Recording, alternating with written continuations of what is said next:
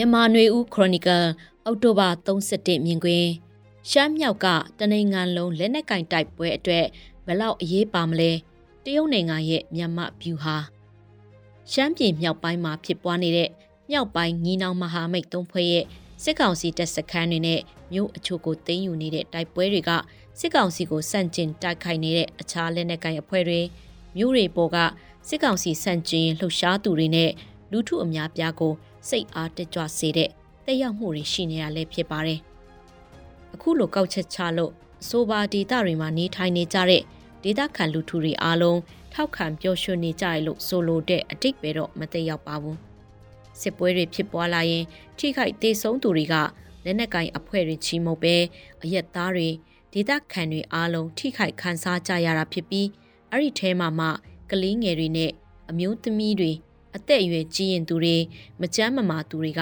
ပုံမခက်ခဲကြမ်းတမ်းတဲ့အခြေအနေကိုရင်ဆိုင်ကြရတာဖြစ်ပါတယ်။အရက်သားတွေအဖို့ဆက်ပွဲဖြစ်လာရင် အသက်အန္တရာယ်ထိခိုက်နိုင်ရုံမကနေအိမ်ရိတ်ခါပိုင်ဆိုင်မှုပစ္စည်းတွေပျက်စီးဆုံးရှုံးနိုင်တာလည်းဖြစ်ပါတယ်။ဒီအခြေအနေတွေကလက်နက်ကင်တိုက်ပွဲဖြစ်ပွားရာဒေသတစ်ခုလုံးရင်ဆိုင်ရတဲ့အနေအထားဖြစ်ပြီးပညာရေးလူမှုရေးကျန်းမာရေးတွေစင့်ကားစင့်ကားထိခိုက်ခံစားကြရတာလည်းဖြစ်ပါတယ် သို့ပေမဲ့ဆယ်စုနှစ်များစွာနိုင်ငံရေးအာဏာကိုချုပ်ကင်လာတဲ့စစ်အာဏာရှင်တပ်ကိုတိုက်ခိုက်နေတာဖြစ်လို့ဒီလိုအခြေအနေမျိုးအောက်ကလွတ်ကင်းစေခြင်းနဲ့ဆန္ဒရှိတဲ့ပြည်သူတွေအနေနဲ့တစ်ဖက်မှာအထက်ကဒုက္ခတွေကိုတင်းကြီးခံနိုင်တဲ့လောက်တင်းကြီးခံပြီးထောက်ခံကြတာတွေလည်းရှိပါတယ်။အောက်တိုဘာ29ရက်နေ့ကစတင်လိုက်တဲ့တစ်တုံရနှစ်ခွန်စစ်စင်ကဘလို့အသွင်တရံဆောင်တယ်လဲရည်ရွယ်ချက်ကဘာလဲထုတ်ပြန်ထားတဲ့ရည်ရွယ်ချက်နဲ့ဖုံး ကွယ်ထားတဲ့ရည်ရွယ်ချက်ကဘလောက်ကွဲလွဲမှုရှိမလဲဒီလက်နက်ကင်အဖွဲ့တွေကတိုင်းသားလက်နက်ကင်အဖွဲ့တွေဖြစ်ပြီးဘလောက်ထိဒီမိုကရေစီနဲ့ဖက်ဒရယ်စနစ်ကိုလက်ခံယုံကြည်ကြသလဲစစ်အင်အားနဲ့ဖွဲ့စည်းထားပြီးထိမ့်ချုပ်နေမြေတိုးတက်လာခြင်းတိုက်ခိုက်နိုင်စွမ်းတိုးတက်လာခြင်းစတာတွေကမကြခင်အနာဂတ်မှာအာဏာချင်းခွေရှာအပြောင်းလဲကိုဘလို့ရီတက်ရောက်စေနိုင်တယ်လဲဆိုတဲ့အချက်တွေတော့ပြောဆိုဆွေးနွေးကြတာသိမမြင်တွေ့ရသေးပါဘူး အခုလိုအရှိမြောက်ဒေသမှာစစ်စခန်းတွေသိမ်းယူနိုင်တာမြို့ငယ်အချို့ကိုထိန်းချုပ်နိုင်တာမြန်မာနိုင်ငံအလဲပိုင်းနဲ့တရုတ်နိုင်ငံနယ်စပ်ကိုဆက်သွယ်ထားတဲ့ကုန်းသွယ်ရေးစစ်သွေးလမ်းမကြီးကိုဖျက်တောက်ထားနိုင်ခြင်းဟာဆယ်စုနှစ်များစွာဗိုလ်ကျစိုးမိုးလာတဲ့မြန်မာစစ်တပ်ရဲ့အာဏာကိုအန်တုနိုင်ခြင်းနဲ့ဒေသအချို့ကိုအချိန်အတိုင်းတာတစ်ခုထိထိန်းချုပ်ထားနိုင်မဲ့မျော်လင့်ချက်တွေနဲ့စိတ်အားတက်ကြွနေကြတာဖြစ်ပါတယ်စစ်ပွဲတွေရဲ့အနိဋာယုံဖြစ်တဲ့ အယက်သားသေဆုံးမှုထိခိုက်ဒဏ်ရာရရှိမှုဆုံးရှုံးမှုတွေနဲ့ပတ်သက်လို့တော့လောလောဆယ်မှာရှေ့တန်းတင်ပြောဆိုတာတွေမတွေ့ရပါဘူး။ဒီမြောက်ပိုင်းစစ်စင်ရေးကတနိုင်ငံလုံးရဲ့စစ်အာဏာရှင်စနစ်ဖယ်ရှားမှုအရေးနဲ့ဥတီချက်တူငင်နေတာတော့ညှိမရတဲ့အချက်ဖြစ်ပါတယ်။ကချင်၊ကရင်၊ကရင်နီတနင်္သာရီချင်းရခိုင်ပလောင်အစရှိတဲ့တိုင်းသားတွေကိုဖိနှိပ်ထားတဲ့စစ်အာဏာရှင်စနစ်ရဲ့ကြောရိုးဖြစ်တဲ့စစ်အင်အား စစ်စခန်းတွေကိုဆယ်စုနှစ်တွေတွင်မရရှိဘူးတဲ့အောင်မြင်မှုရရှိလာခြင်းကစစ်ကောင်စီပြုတ်ကြမဲ့မျှော်လင့်ချက်ကိုပုံမအားပေးစေခဲ့တာဖြစ်ပါတယ်။သို့တော့တစ်ဖက်မှာစစ်ကောင်စီစန့်ကျင်ရေးမြန်မာစစ်တပ်လို့ခေါ်တဲ့ဗမာလူမျိုးကြီးကိုကိုစားပြုတဲ့စစ်တပ်ခေတ်အစစ်စစ်နိုင်ငံရေးအာဏာရဲ့ပေမနေရာကိုရယူထားတဲ့စစ်တပ်ကိုဖယ်ရှားနိုင်ခဲ့ရင်ဘယ်လိုနိုင်ငံရေးလမ်းစဉ်ကျင့်သုံးမလဲ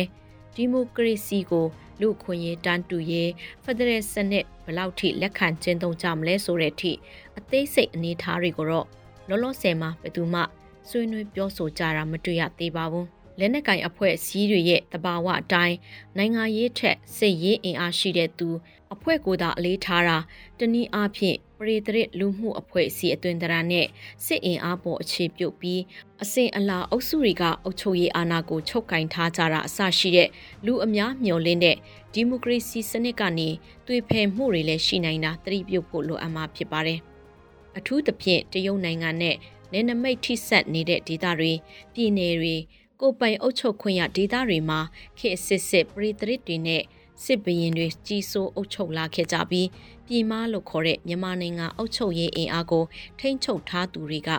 အဆိုပါဒေသကအုပ်ချုပ်သူအနေနဲ့တစ္ဆာခံတဲ့အနေအထားမျိုးရရင်ကိုပဲကျင့်နှက်ခွင့်ပြုထားကြတဲ့အနေအထားတွေရှိတာဖြစ်ပါတယ်။မဆလာအစိုးရလက်ထက်ရှမ်းပြည်အရှိ